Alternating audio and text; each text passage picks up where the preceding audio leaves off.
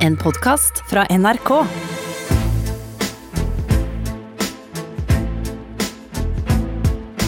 Trump mot verden med Gjermund Eriksen og Sean Henrik Matheson. Ja, det kan du banne på! Og nettopp Trump mot verden. Jeg syns vi skal høre Donald med det samme i dag, Gjermund. Ja. Vi må gjøre det med menneskelighet. Altså, vi må leve oss inn i hvordan han har det. Vi må høre hvor inn i helvete Ja, men hør hvor Vi må høre hvor inn i helvete vanskelig det er for Donald å innrømme feil. Altså legge om strategien. Det er menneskelig. Hvis du kjenner på det sjøl, når du må eh, innrømme overfor noen andre at de har hatt rett, det du har insistert på, det var feil. Da må du svelge stoltheten din. Og Donald sier jo veldig mye at en av hans superkrefter er at han ikke eier skam. Men det, og dette er viktig, betyr ikke at han ikke har stolthet. At han ikke har ære. Eh, Det er bare en annen form for stolthet. En skamløs stolthet. Og den er kjempestor. Bare hør her hvordan det er litt vanskelig for han å innrømme eh, at eh, han kan ha sagt noe som er galt. Back in late February, you predicted that the number of cases would go down to zero. How did we get from your prediction of zero to 1 million? Well, it will go down to zero ultimately. And you have to understand when it comes to cases, we do much more testing than anybody else. We're going to show more cases because we're doing much, much more testing, double anybody else. Somebody said if you add everybody else combined, that would be a number. And it will be at the, the appropriate time, it will be down to zero, like we said. Ja, han har jo rett, altså! Det er det verste på en syk, syk måte. Når alle er døde, da er det null. Da er, da er det null. Helt riktig. Ja, velkommen til Trump mot verden. Jeg heter Sean Henrik Matheson. Gjermund Eriksen er på plass. Du er i Ski, jeg er i Bærum. Produsent Silje, hun er jaggu på jobb. Det er jo stas. Én av tre er ikke verst i det hele tatt. Siste nytt fra koronatilværelsen, Gjermund? Ja, det har vært ute på tur. Jeg har, eh, vi har jo nevnt, droppa, at, vi har, at jeg har vært på Urix tidligere. Og da syns jeg at vi må droppe at jeg har vært på, nå har jeg vært på Fredrikstad litteraturhus-TV. Og da tok jeg tog til Fredrikstad.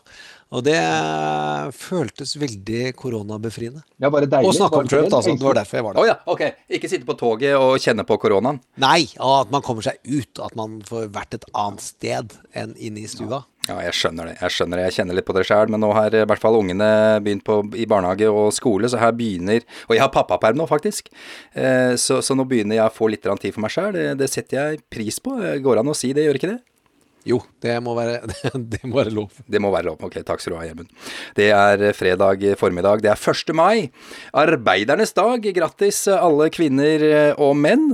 Dag 1197 av hans presidentskap. Taperne er det 263 dager igjen. En lynrask opplysning til deg som, som hører på. Denne episoden av Trump mot verden spilte vi inn i går, torsdag. 1. mai er jo en røddag, tross alt. Så dersom det har skjedd noe helt sinnssykt ja, fra i går til i dag, og vi ikke snakker om det, så vet du eh, hvorfor. Eh, Gjermund, eh, hvor skal vi hen i dag? Vi skal starte der vi begynte. Eh, husk at politikk er eh, Og dette nå snakker jeg litt sånn uh, Kan virke som selvfølgeligheter, men det er noe noen har sagt til meg ganske mange ganger når jeg intervjua folk for å prøve å forstå det menneskelige i politikken, for å lage politiske TV-serier. Og det er at politikk alltid er personlig. Det betyr at det er mennesker, og at de har drifter, og at de har tanker og at de har følelser. Og det er veldig avgjørende for hvordan politikk faktisk blir utvikla, og hvilke politiske løsninger som vinner til slutt. Alltid. Og vi skal se på et av de litt mer menneskelige fenomenene som vi kan si er veldig til stede i politikk, og veldig til stede i både godt og dårlig drama.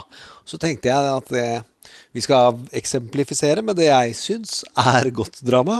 Og når jeg sier godt drama, så mener jeg en av mine absolutt største favoritter gjennom livet, og som har forma meg i mitt syn på hvordan drama er, nemlig Quentin Tarantinos Pulp Fiction. Å, herlig! Eh, og det skal handle om stolthet. Eh, og en av de Det er utrolig vanskelig å ikke tenke på det dramaet her når man hører ordet stolthet på engelsk. Eh, og det handler om eh, Bruce Willis som spiller en karakter som heter Butch, og som er en bokser. Og han blir bedt om å gjøre noe som er nedverdigende for han, nemlig at han skal gå på et nederlag. Han skal ta et tap.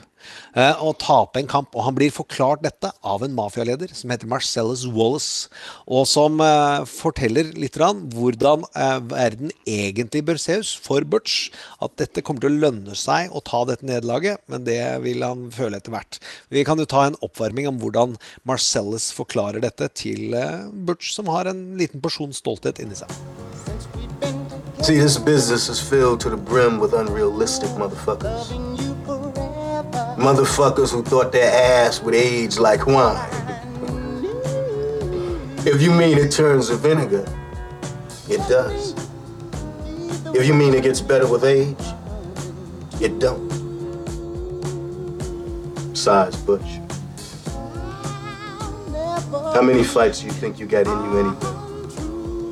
Ja, nå er vi langt inne i eh, Quentin Tarantinos klassiker eh, Pulp Fiction, Gjermund. Det er vi, og vi sitter i, ved et barbord eh, hvor Bruce Willis sitter på den ene sida, og så ser vi bare Marcellus bakfra. Og så kommer eh, Marcellus Wallace til sjølve poenget om hva han mener om eh, de kreftene som så, Holdt jeg på å si Donald Trump, men jeg mener Butch i Bruce Willis eh, har inni seg. Hør nå her. Night of the fight, you may feel a slight sting. That's pride fucking with you. Fuck pride. Pride only hurts. It never helps. You fight through that shit. Ja, hvis vi har uh, folk som hører på som ikke har sett Pulp Fiction, skal ikke spoile veldig hvordan det går. Uh, men det er vondt for Butch å legge seg i, siste, i, i den fjerde runden. Uh, såpass mye må vi kunne si. Og Pulp Fiction det egner seg også til noe som noen lyttere har tatt opp på Facebook. Altså, Man føler litt på hvorfor syns vi det her er så underholdende når det egentlig er veldig mørkt. Og det er veldig vondt. Uh, og vi henger oss opp i små detaljer i hva Donald Trump driver med. Og der er Pulp Fiction kjent for nettopp det at vi lar oss fascinere av de små detaljene, de små forskjellene, og føler at de får ekstra stor betydning. Og da tenkte jeg at vi kan høre på den dialogen som i hvert fall min guttegjeng på 90-tallet hengte seg raskest opp i, og trodde at det at man prater om hverdagslige ting, det er det som gjør stort drama. Men det er egentlig ikke det. Eh, Men hør på denne bilsamtalen, som kanskje er symbolet på hva Pulp Fiction og hva Tarantino begynte å lage. But you know the funniest thing about Europe is? What? It's the little differences. I mean, they got the same shit over there that they got here, but it's just, just there. It's a little different. Example. All right, well, you can walk into a movie theater in Amsterdam and buy a beer. And I don't mean just like a little paper cup. I'm talking about a glass of beer. And in Paris, you can buy a beer in McDonald's. And you know what they call a, a, quarter pounder with cheese uh, in Paris? They don't call it a quarter pounder with cheese? Oh man, they got the metric system. They wouldn't know what the fuck a quarter pounder is. Then what do they call it? They call it uh, Royale with cheese. Royale with cheese. That's right. What do they call a Big Mac? Well, Big Mac's a Big Mac, but they call it Le Big Mac. A Le Big Mac. what do they call a Whopper? I don't know. I didn't go on a Burger King. You know what they put on French fries in Holland instead of ketchup? What? Mayonnaise. God damn. I seen them do it, man. They fucking drown them in that shit. Yeah. Herlig, herlig å høre dialogen fra Pulp Fiction igjen, Gjermund. Royal with cheese. Royale with cheese. Det han faktisk gjør, er å Altså, han rendyrker en teknikk som var kjent før Tarantino, som kalles suspense-driven dialogue. Det vil si at dette er interessant fordi vi vet at noe veldig galt kommer til å skje. Så vi lever oss mer inn i disse menneskene og deres prat om uviktighet. Og så var det noen dumme menn, som meg og kameratene mine, på 90-tallet som satt og tenkte at vi er interessante fordi vi snakker på en sånn måte som er Vi henger oss opp i små detaljer. Mens vi hadde jo ikke en eh, var jo ikke på vei for å drepe noen. og hadde ikke, levde ikke i et voldelig univers. Det Hitchcock kalte, var vel at eh, en samtale mellom to mennesker ved et bord er mer interessant hvis det er en bombe som tikker under den. Og det er sånn jeg egentlig ser på litt amerikansk politikk hele tiden, eh, er at det hele tiden er noe stort og spennende som skal skje. Og det kan vi jo gange med veldig mye når det gjelder Donald Trump, og som vi nå har fått en pandemi på toppen. Det at vi syns at noen detaljer er morsomme og interessante, det betyr ikke at det ikke er viktig. For det kan også påvirke slutten slik. I Tarantino-univers så har alle disse som tilsynelatende virker som uviktige dialoger, betydning for utfallet. Og det skal vi snakke litt mer om hvordan Donald Trump sine små eh, eller store sidestep som har skadet han de siste ukene, eh, kan, kan ha store konsekvenser for hva som skjer i november. Det er riktig, Gjermund. Eh, vi skal eh, snakke om det i dag. Annet eh, hva som skjer i vippestatene. Hva er status for Donald der? Også litt om, om hva vippestater er, og hvorfor de er det. Eh, og det har ja, egentlig i årevis blitt snakket om hvor lavt Donald kan synke. Det skal vi snakke om. Det ene bunnpunktet etter det andre. Vi skal vel snakke om det foreløpig ja, høydepunktet, eller lavpunktet blir vel kanskje mer riktig å, å si, Gjermund? Ja, det, han har vært like lavt før, men nå er han det nærme valget. Så det tror vi at han ikke setter Eller vet vi nå at han ikke setter pris på. Vi skal også snakke om visepresidentvalget til ja, Donald, faktisk. Eh, ikke Joe Biden, men eh, Donald. Det spekuleres mye på om eh, Mike Pence nærmer seg enden på sin tid som visepresident. Hvorfor det? Og hvem kan i så fall erstatte ham? Tre ting vi ikke skal bruke så mye tid på Gjermund, akkurat i dag burde det hørt noe annet, kanskje? Jeg synes at vi, eller vi har fått litt kritikk over at vi alltid sier ikke skal snakke om, så snakker vi om det. La oss heller kalle det ja, uh, godteribiter, som vi bare skal snakke litt om. Uh, så tre godteribiter vi ikke skal snakke veldig mye om, og da er uh, Tucker Carlsen viktig, syns jeg. Ja, kanskje ikke så fornuftig som eh, vår ønskedrøm eh, skulle tilsi. Vi hadde jo litt håp om ham for ikke så mange ukene siden. Eh, vi hevder at koronaviruset ikke er så dødelig som folk tror. Utgangspunktet er to leger i California som har lagt ut en video der de hevder dette. En amerikansk forening for akuttmedisinere sier at disse to legene er helt ute, og har avvist det de sier kontant. Men som jeg egentlig nevnte, Gjermund, han har jo vært ufornuftig i, i mange uker, egentlig. Tucker anbefalte jo Donald å ta koronakrisen mye mer på alvor. Eh, og det er nærmest han som vekket Donald til live i den helga der vi skjønte at nå begynner det å sige innover eh, Donald. Og så stiller han opp på en mandag og starter med disse pressekonferansene med et mye større alvor.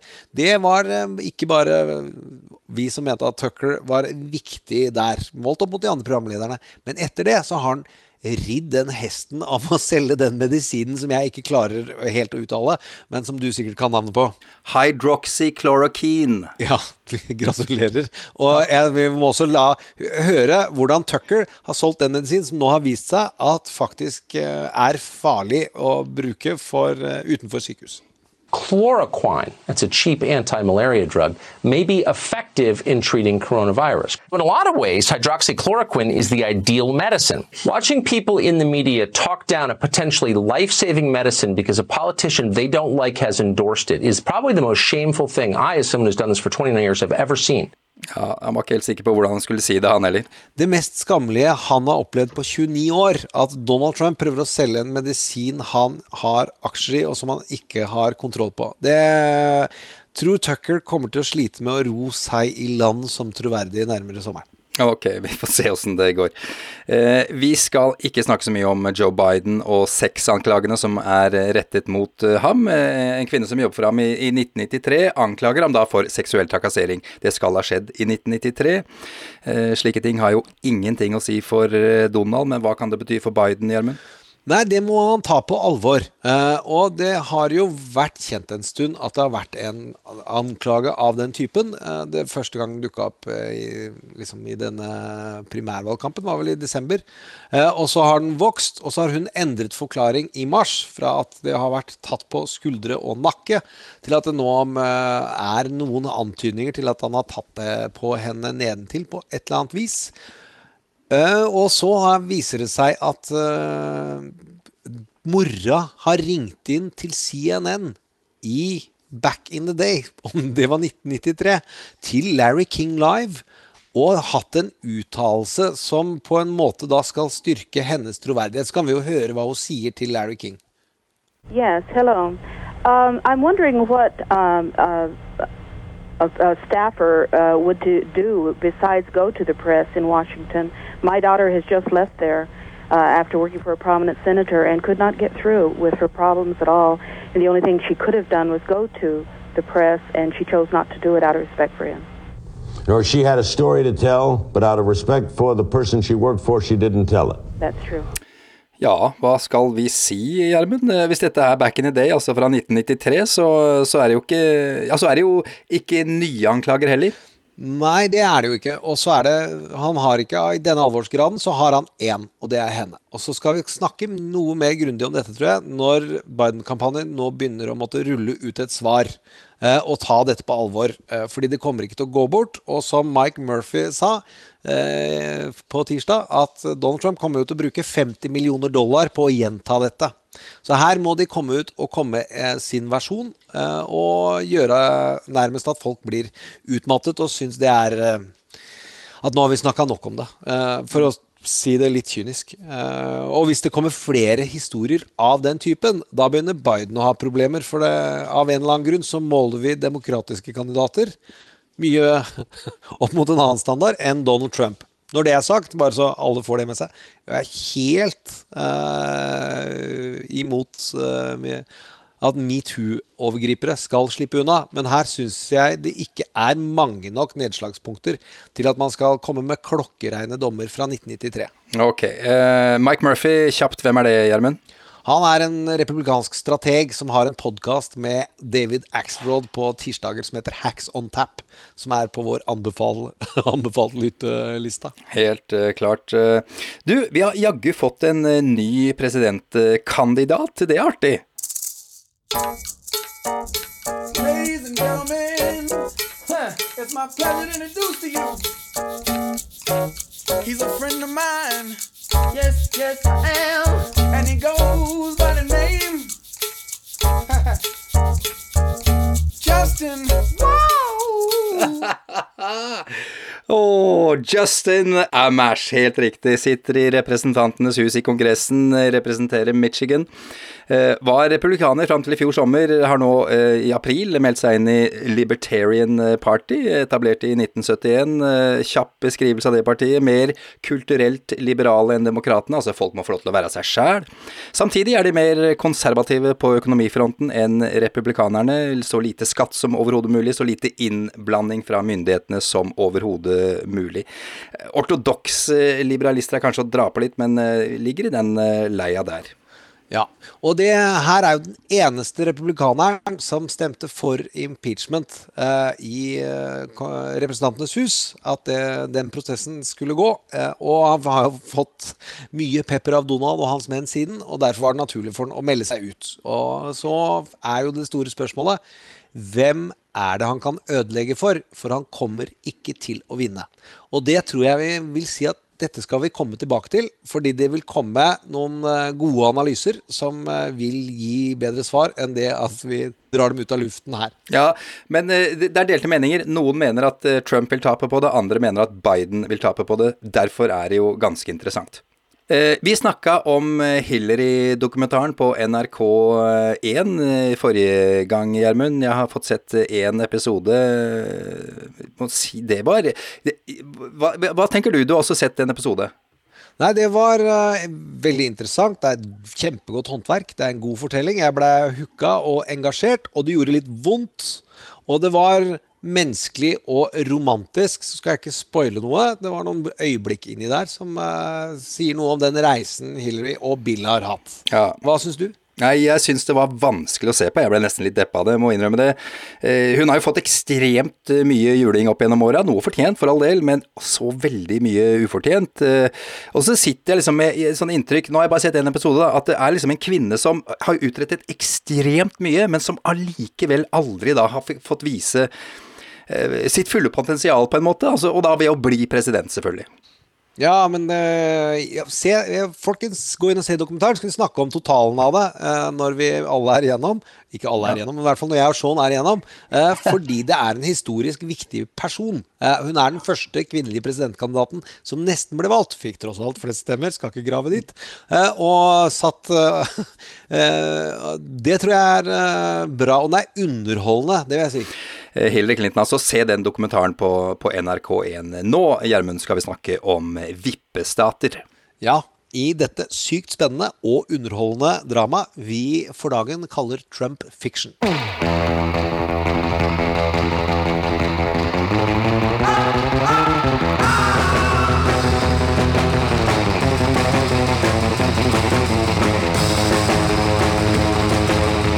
Trump mot verden med Gjermund Eriksen og Sean Henrik Matheson.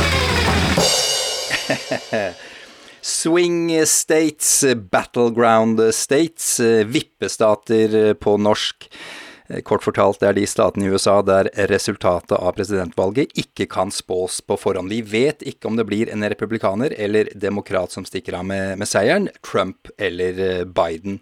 Motsatt av såkalte safe states, eh, sier seg selv egentlig. Noen stater er sikre for republikanere. Der vet vi at de vil vinne. Sånn er det, sånn har det alltid vært. Det samme gjelder for demokratene. Noen stater vinner de alltid. Eh, ferdig prata.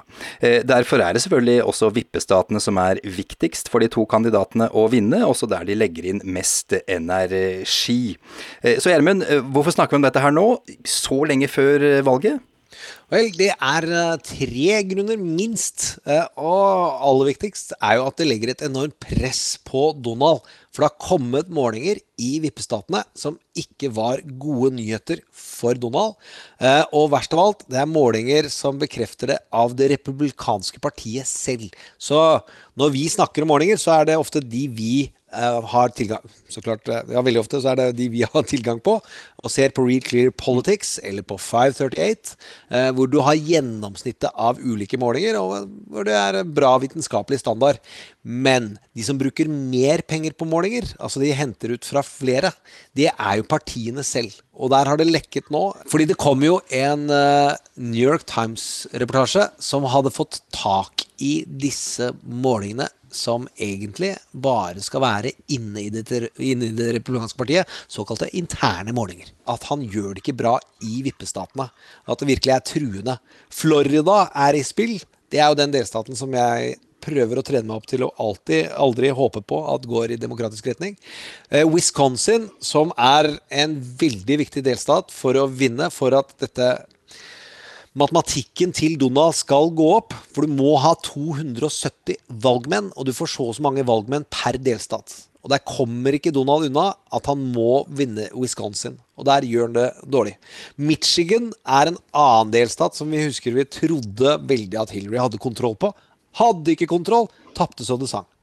Og det samme med Pennsylvania og Minnesota er nærmest så er, eh, Det er seks måneder til valget. Det er veldig lang tid. Men der er forspranget såpass vedvarende over tid. Og om det er, den, om det er Biden som stiller, eller om det er eh, en annen demokrat som hadde stilt, så virker det som om den, de delstatene har blitt mer blå. Og det her gjør jo det veldig alvorlig for Donald. Ja visst gjør det det. Jeg, vet ikke om vi skal nevne alle, alle disse vippestatene.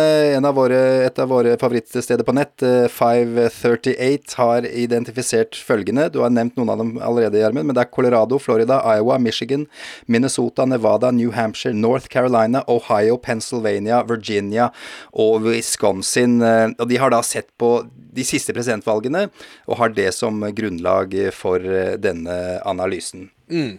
Og når eh, sånn som Arizona og North Carolina er i spill, eh, det er tradisjonelt ting som har vært ganske rødt, altså. Eh, hvis ikke jeg husker feil, og det håper jeg ikke jeg gjør. Det her er da alvorlig, selv om det er veldig lenge til valget. Og der sier jo Nate Silver fra dette nettstedet av klassiske head-to-head-målinger. Det vil si, hvem, du, hvem vil du stemme på i november? Biden eller Trump? Som man gjør på nasjonalt nivå. Det er ikke kjempeviktig før Memorial Day at det er mulig å se at det har noen påvirkning på valg. Men i vippestatene så er det noe annet. Og der har det også pengekonsekvenser.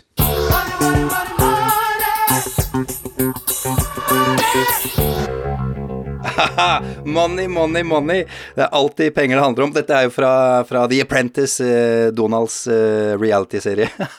Morsomt å høre det også. Ja, og der kommer det fram gjennom det som da sto i New York Times, og den, de republikanske målingene som lekkes, så kommer det også fram at de sliter med pengeinnsamlingen til de republikanske kandidatene til Representantenes hus, og til og med til senatorene. Det vil si at ukjente demokratiske kandidater i, som skal stille til Senatet, de eh, får mer penger enn de som sitter fra det republikanske partiet i Senatet. Susan Collins, Tom Tillis fra North Carolina og Corey Gardner fra Arizona de sliter med pengeinnsamling, mens de demokratiske, ukjente kandidatene får fra det lokale næringslivet. Og uh, dette er da en nyhet som preger kanskje en av de viktigste menneskene i Donald Trump sitt liv, nemlig Mitch McConnell, lederen i Senatet. Det er lenge siden vi har hørt at Senatet kan være i spill. Ja, det er utrolig interessant, fordi har ikke egentlig alle vært enige i at det nesten er umulig? Egentlig bare en fjern drøm, egentlig, for demokratene? Jo, det er fordi de, de få delstatene som da Senatet har jo Senatorer sitter i seks år. Så det er en tredjedel av senatsplassene som er på valg hver gang det er valg. Og den tredjedelen som nå var på valg, der var det tradisjonelt ikke så mange heldige seter for demokratene. Nå er det i spill, og det gjør at det går en del telefoner til folka rundt Donald fra folka i Senatet at hva faen er det du driver med og snakker om blekningsmiddel, øh, desinfiserende væske? Ser du ikke hvordan tallene bare går nedover? Det er det alvoret som har truffet Donald. Ja, ok. Men, men hva, hva kan republikanerne gjøre da for å vinne disse statene, altså eh, for senatorene? Er det money, money, money igjen, liksom? Er det det som må til? Ja, det er alltid money, money, money i amerikansk politikk. Eh, men de har andre pengemuligheter. Eh, du har Koch-brødrene, de som det viste seg i ettertid at finansierte mye av grasrotbevegelsen som sto bak Tea Party-oppblomstringa i 2009. De er veldig til stede i ulike typer grupperinger og finansierer da den type opprør vi har sett og demonstrasjoner mot uh, Hvor Donald får folk til å demonstrere mot seg selv og skape uro i vippstatene. Det kommer til å fortsette. Uh, Så grunnen til at dette lekker til New York Times er jo også en måte å snakke med Donald for partiet. Og snakke med republikanske pengekrefter at dette er alvor. Vi taper hvis ikke dere kommer med lommebøkene. Så dette er en del av spillet. Eh, Donald, han har jo penger sjæl, kan han ikke bare begynne å bruke noen av dem? Og han har vilt mye penger på, eh, til å bruke på sin egen presidentvalgkamp. Så har jo han en mye større war chest enn det Biden har. Men hvis Donald begynner å gi penger til uh, senatskandidatene, at han må gi av presidentpotten den veien En ting er at jeg er litt usikker på hva som er lover og regler der, men det er i hvert fall tegn på svakhet. At uh, han har samlet makten på den måten. Så det er ikke den veien det går. Og hvis folk begynner å tvile på at Donald bidrar til deres vinnersjanse, noe som er hele måten han har bundet fast det, det eh, republikanske partiet, så det bare er Mitt Romney som er mildt kritisk til hva han har gjort i Ukraina, det er jo at de tror at vinnersjansen er større med Donald på laget enn uten. Hvis disse tallene går den veien, da begynner Donald å få det ekstra vondt i, Ja. eh, når høsten kommer. Så dette dette er det presset som ligger på vår kjære Butch, bokseren Donald, som er blitt bedt om å innrømme en feil. Trump fiction igjen der. Vi skal til eh, ja, Donalds eh, foreløpige bunnpunkt.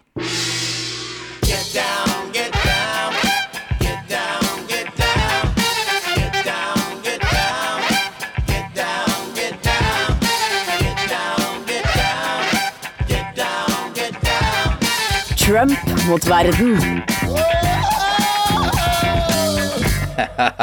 How low can you go? Hvor lavt kan du synke? For eh, Donald så er hullet i bakken uendelig, en evig tunnel 90 grader rett ned. Du vil aldri høre stein treffe bunn dersom du kaster en eh, nedi, kan det virke som. For eh, nye bunnpunkter kommer jo rekende på ei fjøl, om ikke daglig, så i hvert fall ikke langt unna. Ja, vil du bli kvitt korona, sa du, kan vi ikke bare stappe en sterk lyspære opp i ræva og drikke en flaske klorin? Da blir ting bedre. Om ikke det var ordrett, så var det omtrent det, dette Trump sa på den daglige pressekonferansen mandag i, i forrige uke.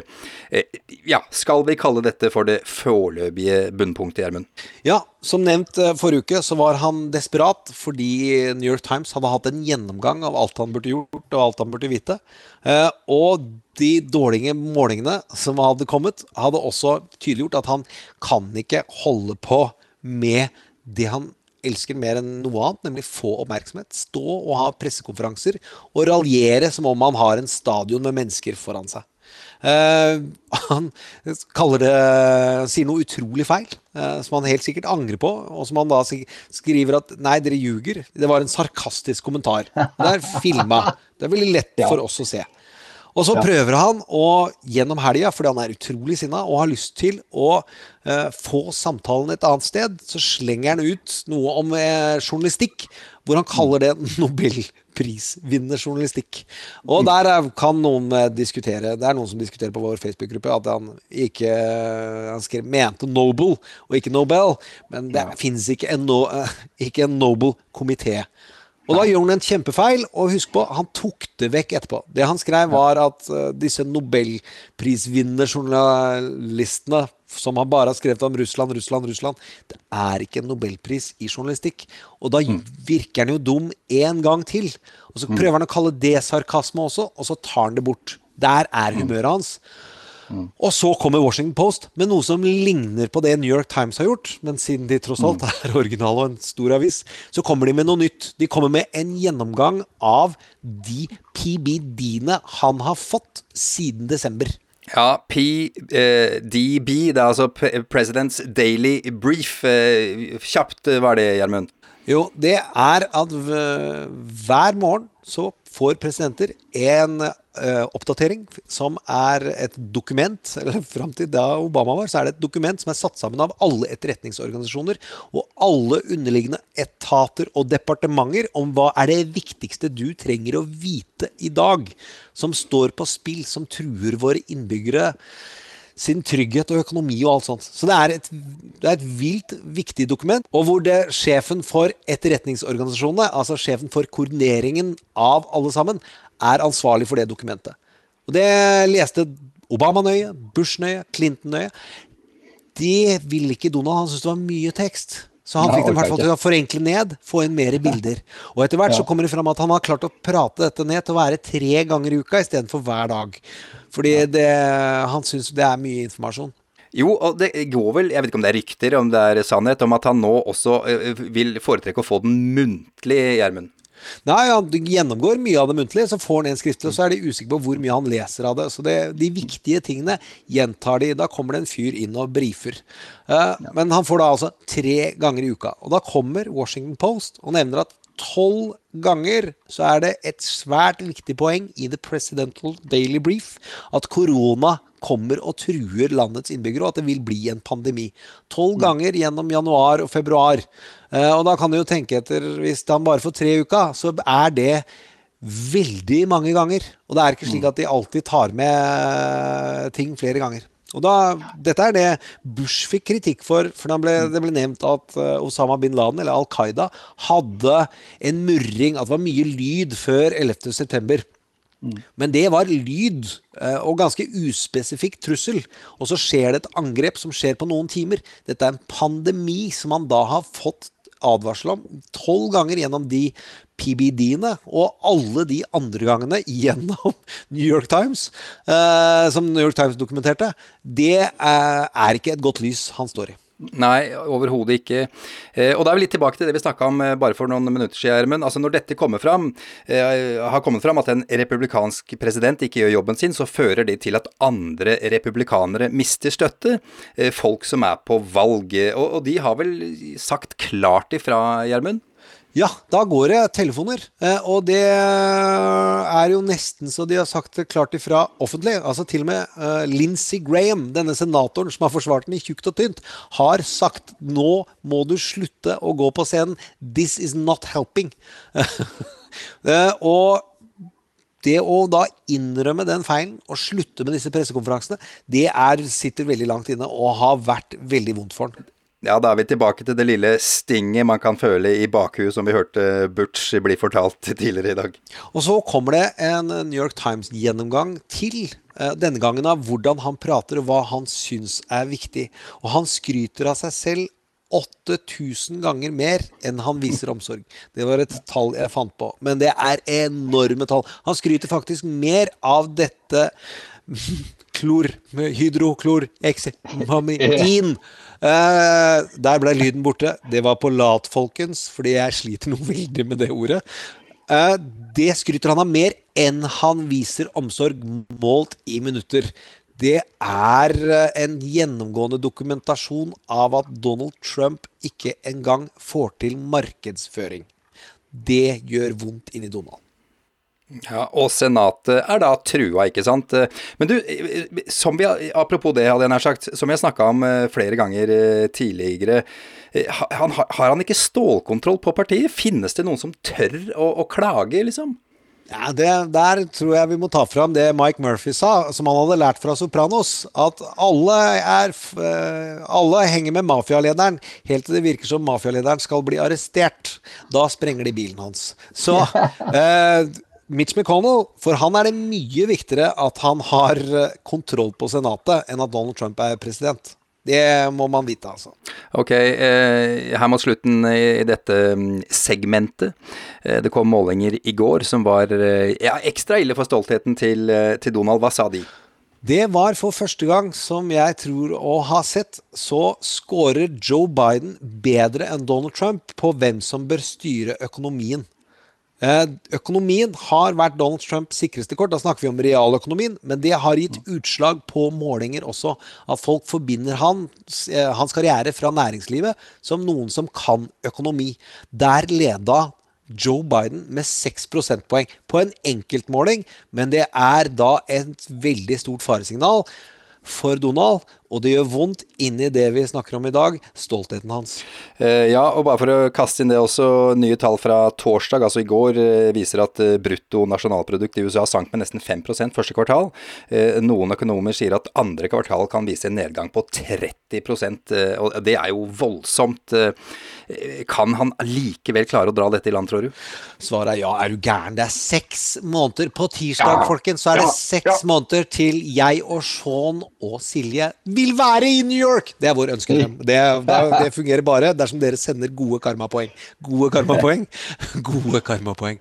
Men han kan vinne. Eh, Og da Det vil være helt vilt imponerende om han klarer å snakke seg ut av det hjørnet han er i nå. Ja, det er, det er nesten så han fortjener det. Nei da, jeg bare tulla! Eh, vi skal til eh, Ja, vi skal snakke om visepresidentkandidater.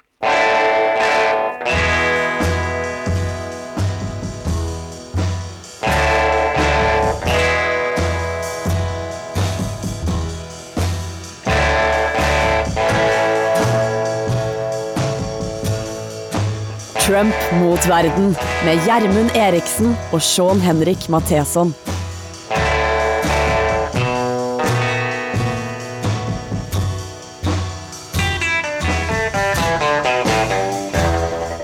Hvem blir visepresidentkandidat for Donald Trump? Ja, det er et spørsmål mange stiller seg, og det er et nokså uvanlig spørsmål å stille i amerikansk politikk i den fasen de er i nå. For når en president går for å vinne en periode nummer to, er det svært sjelden snakk om eh, hvorvidt visepresidenten skal byttes ut eh, eller ikke. Han blir som regel med på, på lasset. Som regel. Eh, Helt ukjent er det ikke. I gamle dager var det ikke helt uvanlig. Thomas Jefferson bytta i 1804 som første president. Hans etterfølger i 1808, James Madison, gjorde det samme. Og på 1800-tallet skjedde og på 1800-tallet skjedde det et par ganger til. Abraham Lincoln eksempel, han bytta også ut eh, sin visepresident. I nyere historie, relativt sett, eh, Franklin D. Roosevelt han ble valgt til president hele fire ganger fra 1932. Andre verdenskrig gjorde det mulig. Han hadde tre forskjellige visepresidenter. Eh, Grunnene er forskjellige, men stikkordet er alltid electability, valgbarhet. Hvordan sørge for å få så store vinnersjanser som mulig. Men altså oppsummert, det er uvanlig. Og nå er altså Mike Pence det spekuleres eh, på. Eh, Advokat fra staten i Indiana, se fra USA på atlaset, finn midten, gå tre hakk til høyre, der har du Indiana, rett under Lake Michigan. Satt i Representantenes hus fra 2001 til 2013, så ble han guvernør i Indiana fra 2013 til 2017, så ble han visepresident. Erkekonservativ og meget, meget religiøs, var katolikk i ungdommen og tidlig i voksen alder, og demokrat faktisk. Eh, Ja, han stemte på Jimmy Carter i 1980, hans store forbilder var John F. Kennedy og Martin Luther King.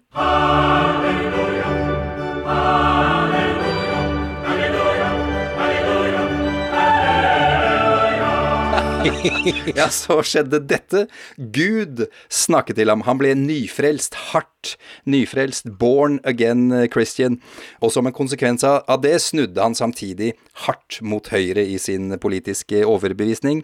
Nei til abort, nei til utvidede homorettigheter, nei til helsetilbud for alle, nei til innvandring osv. osv. Heller ikke overbevist om menneskeskapte klimaendringer. Skulle tro da at dette var en match made in heaven for eh, Donald Trump. Eh, Gjermund, hva er det som gjør at det spekuleres på om Mike Pence blir sittende eller ikke? Det er om himmelen finnes. Jeg syns 'match made in heaven' er veldig sterkt ord om det radarparet der. Spøk til side.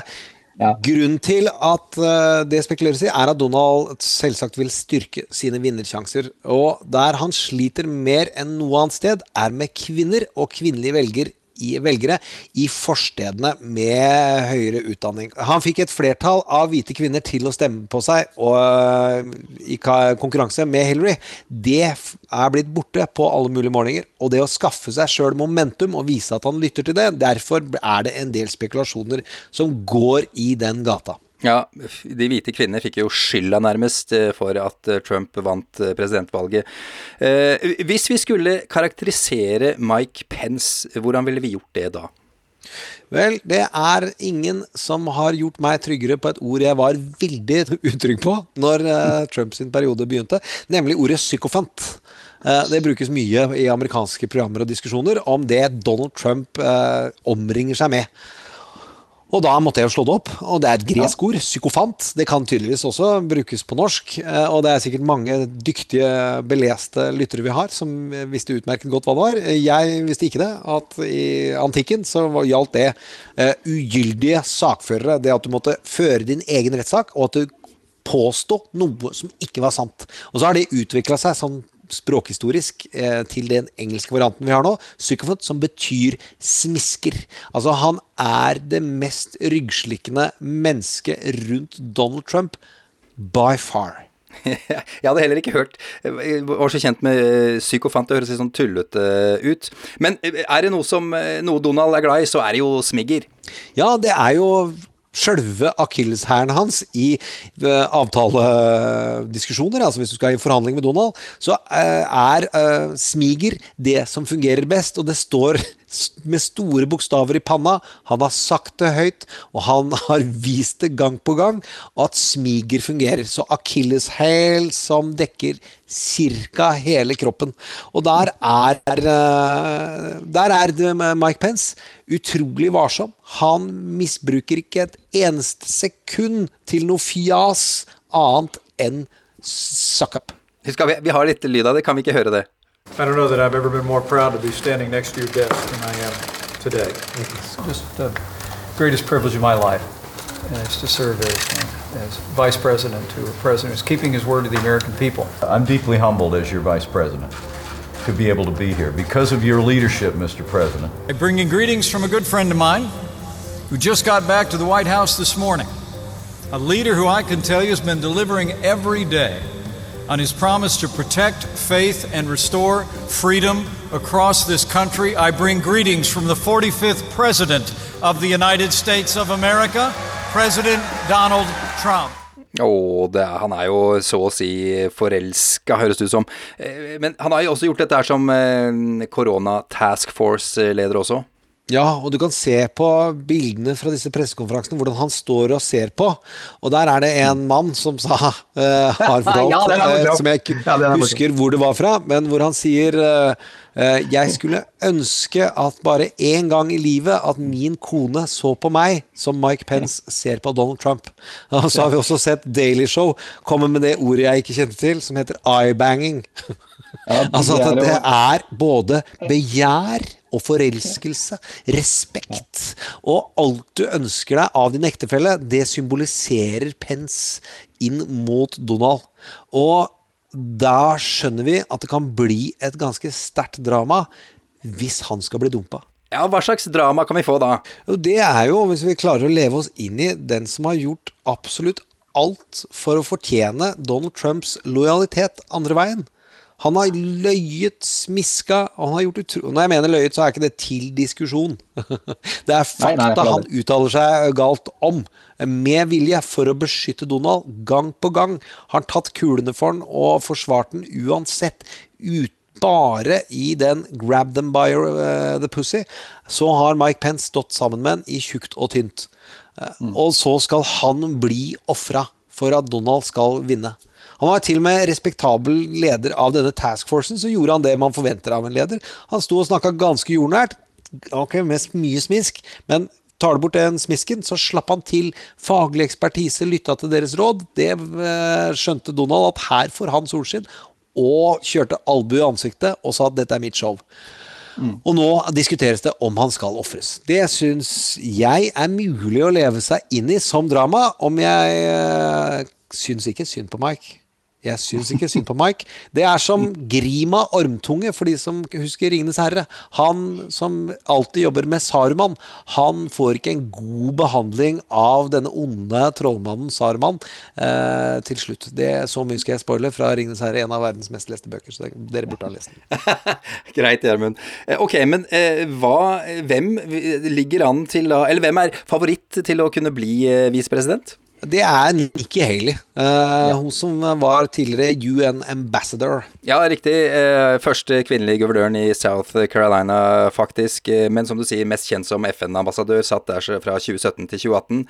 Eh, veldig glad i Donald, eh, Gjermund. Eh, og hadde noen merkelige meninger. Ikke opptatt av at Assad i Syria måtte fjernes. Stor fan av Israels politikk i, i Midtøsten. Og veldig glad i å fly private jets på skattebetalernes eh, regning. Ja, men altså en erk... ja, det, øh, Hvis vi ser bredt på henne, så er hun ganske klassisk republikaner, før hun da kommer inn og jobber for Donald Trump. Setter ned foten for han i noen diskusjoner, men blir mer og mer trumpist. Og så gir hun ut en bok eh, rett før jul eh, hvor hun egentlig ikke tar noe særlig avstand til, til noe av hans handlinger, og forklarer at det meste står hun innenfor. Og i impeachment-prosessen så blir hun en av hans forsvarere.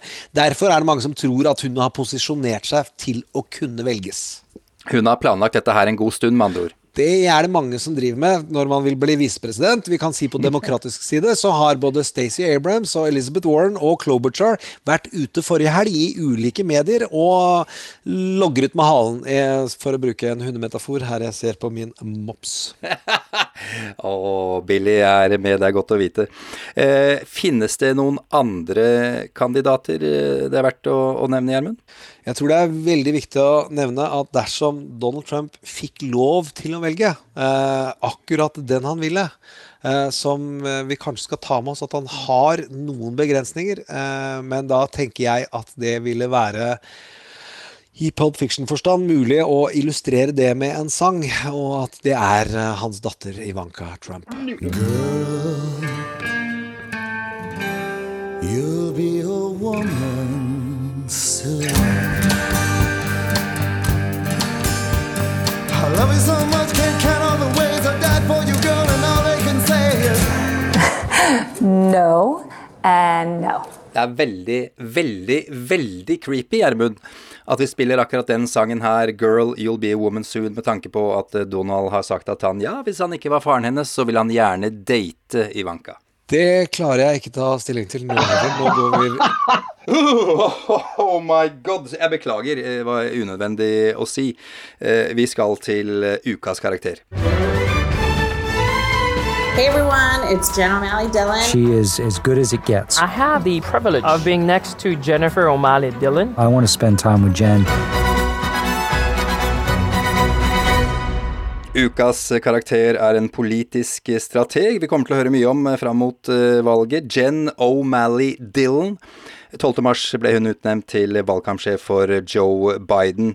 Var eh, valgkampsjefen til Beto O'Rourke fra Texas, vi husker han. Han var med en, eh, en god stund i, i racet om å bli eh, demokratenes eh, kandidat. Eh, Men nå altså sjef for Joe Biden sin eh, valgkamp. eh, Gjorde seg bemerket som eh, valgkampmedarbeider i veldig ung alder eh, hos Al Gore på tidlig 2000-tallet. Jobba for John Edwards da han ville bli president i 2004. Så jobbet hun for Barack Obama. Eh, og har eh, siden hatt eh, høytstående posisjoner i Det demokratiske parti. Dette her høres jo rimelig greit ut, vil jeg si. Ja, det er hennes mulighet til å bli blant de store stjernene i mitt liv. Jeg har ikke vært veldig kjent. Uh, alltid vært sånn nestkommanderendes nestkommanderende. Så hun jobba for Stephanie Cutter, som var da den som jobbet for David Axelrod uh, som talsperson. Så har hun ikke vært veldig mye til stede. Hun har vært i nærheten av Beto-kampanjen, men uh, hun har fått den rette treninga og er inne med Obama-miljøet. Og når jeg mener Obama-miljøet, så er det alle de da som klarte å få en svart mann som heter Hussein til mellomnavn, og få han valgt til president. Det er mest kudos til Barack Obama, veldig mye til David Axelrod, men det er et team av valgkampmedarbeidere som skjønner hvordan da dette skal gjøres. Og Der har hun vært inne hele tiden eh, og drevet et firma sammen med Stephanie Cutter de siste årene. Eh, hun er helt klart valgt av Det demokratiske partiet, som er livredd for å tape og har tilliten og kontaktene i orden. Så det her er et menneske jeg er utrolig spent på hvordan kommer til å prestere fram til november. Eh, valgkamplederen til eh, Hillary Clinton har alltid et litt sånn trist drag i øynene. Så du tar med deg den type nederlag resten av ditt liv. Eh, så vi får det er vel hemmelig Nei, det er ikke hemmelig. Eh, vi heier på eh, den som eh, stiller mot Trump. det må kunne gå an å si det. Gjermund, du sa at det er partiet, altså Det demokratiske partiet, som har valgt ut Jen Dillon. Men det er klart, vi tar det for gitt at, at Joe Biden er med på denne utnevnelsen. Ja, ja, ja. Biden har jo vært ja, med ja. på valgkampen til Obama i både 2008 og 2012. De kjenner hverandre veldig godt. Det demokratiske partiet trengte å ha en tydelig leder som har gjort det før, på toppen. Og Biden hadde sine vanlige medarbeidere som de øverste kampanjelederne. Og der uh, var det noen som sa vi trenger den mest erfarne på toppen. Let's go. Let's go. Ja, vi har uh, trua. Vi skal uh, dele ut uh, noen kaffekopper nå, Gjermund. Det er veldig stas. Det var jo en konkurranse, The Blame Game, som vi lanserte forrige uke. Ja, og det er hvem har fått mest skylda denne uka for Donalds problemer. I tøff konkurranse, så er det sånn at Donald har nevnt Kina veldig mange ganger denne uka. Det kom også fram at det er hovedstrategien til det republikanske partiet å legge skylda på alt på Joe Biden og Kina, og få de til å gifte seg og bruke det i all reklame de har. Så Kina er uh, det svaret vi satser på. China. China. Uh, jeg uh, velger å gi en kopp til Runar Bergli. Gratulerer, Runar. velfortjent kaffekopp på vei til deg. Ja, og så skulle vi gi en kopp til det morsomste svaret, og det var veldig mange morsomme svar. Så det her er jo spesielt litt sånn uh, hardt og vondt for meg som norsk å velge vinnere på noe som helst. Men la oss si at Ane Holme, som sier at han kommer til å bevege seg mot å si at USA utvikla invisible planes, uh, så har tydeligvis Kina lagd invisible enemies, uh, som dette viruset. Og dermed må noen myter sammen. Og Ane får også bonuspoeng for å ha lagd Eh, en, rett og slett en blame game-trailer som vi også løfter opp på Facebook-sida vår. Uh, og det er kaffekopp for morsomste forslag. Helt klart, og veldig kult at Ane lagde den traileren for oss. Veldig, veldig morsomt. Ja, nå har vi snakka mye om eh, Facebook-siden vår, og som du har skjønt på det vi har sagt nå, så foregår det veldig mye morsomt der. Eh, check it out! Eh, Trump mot verden, ganske enkelt. Der skal vi ja, lanserer jo stadig vekk konkurranser. Ikke denne uka her, men gå inn der allikevel. Det er masse morsomt som skjer. Det er også en mailadresse som er trump at nrk.no. En av Norges kuleste mailadresser. Helt riktig. Du som hører på, du må anbefale oss til eh, venner og kjente, og folk du ikke kjenner også, eh, ikke sant Gjermund? Ja, i disse koronatider, bare bruk antibac, og så går du bort til mobiltelefonen deres og viser at her er det en sånn podkast-app. Den kan du trykke på, og så kan du skrive inn 'Trump mot verden', og der kan du også bare høre på det. Det tror jeg fungerer mm. veldig bra sosialt. Det tror jeg også. Eh, før vi banker inn uh, ukas åpningsscene, jeg har lyst til å nevne guvernøren i New York, Andrew Cuomo. Han har holdt en, en tale siden sist, Gjermund, og den snakkes det varmt om. Ja, han holdt pressekonferanse i går, og hvor han eh, faktisk ikke leser av en taleprompter, sånn som mange gjør, men han har en powerpoint, og han går all in fordi han er så forbanna på at eh, lederen i Senatet eh, sier at New York sutrer fælt, og de fortjener ikke de pengehjelpen som de trenger. Faren hans holdt jo en legendarisk tale eh, som heter 'Tale of Two Cities', eh, og jeg syns jo eh, sønnen gir Ja, la oss si at eh, han setter faren i skyggen. Ja, Det er ganske vilt, for den talen er legendarisk. Altså til faren til Andrew Cuomo, som også var guvernør i New York for mange, mange år siden. Ok, Gjermund. Ukas åpningsscene fra den sjukt gode og helt vilt dyre TV-serien Trump mot verden. Ja, den er det jaggu du som står for i dag, Gjermund. Eh, Har hørt om å hoppe etter Wirkola? Ja, og det fikk jeg med meg at Bokløv klarte ganske bra. Mange snakka dritt om det veldig lenge. og, så, og så ble det den nye standarden. Så om dere ikke liker det dere hører nå, folkens, så er det eh, en Bokløv som nå kommer. Eh, Men over tid så vil det endre hvordan dette skjer. Touché! Ok, eh, da må dere jo late som at dere sitter og ser på TV. Eh, Og at det er eh, varslet at det kommer, tidenes dyreste drama er i ferd med å begynne. Og det kommer til å handle om eh, Donald Trump. November 2020 står det på skjermen. Eh, Ok. Vi er i New York. Ideen er en ung gutt som går blant politifolk, sivilt og vanlig kledte. Det er kaotisk, det er truende, og det er stemmer som roper. Presse som dundrer på dører og knipser og maser på denne unge gutten. Som du ser er, eh, blir stressa og syns det er vondt og har et sårt blikk. Og han er redd i blikket. Og han blir dratt innover på denne politistasjonen. eh, Og han blir dratt inn på et avhørsrom, satt ned på en stol. Og tårene til gutten triller fram. Eh, Og vi skjønner at dette her er stort og vondt og vanskelig. Og så kommer det en varm og myndig kvinnelig politidetektiv inn og sier eh, Baron, Baron, you shouldn't have come. Not like this. Så svarer gutten Mom is coming too. She knows everything.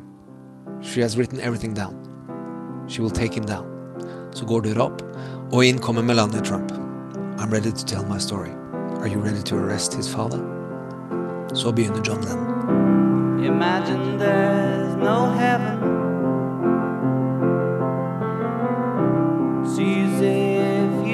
Try. No hell below us. Above us, only sky.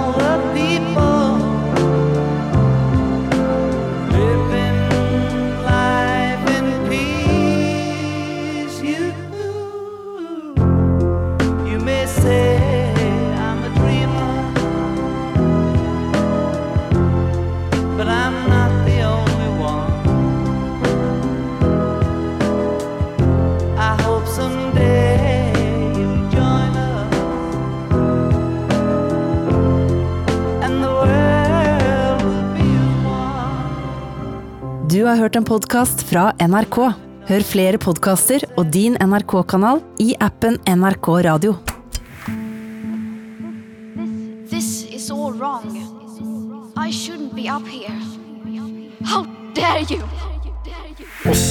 Blei ei lita og sjuk jente fra Stockholm plutselig verdens klimavaktbikkje? Jeg syns hun er ganske tøff jente på 16 år. Og i hva grad stemmer det at det står mektige krefter bak henne? Det er den eh, politisk korrekte klimalobbyen. Og spår hun verdens undergang innen ti år?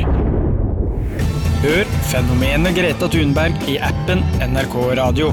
sier at verden kommer til å gå til helvete, og det tror jeg ikke.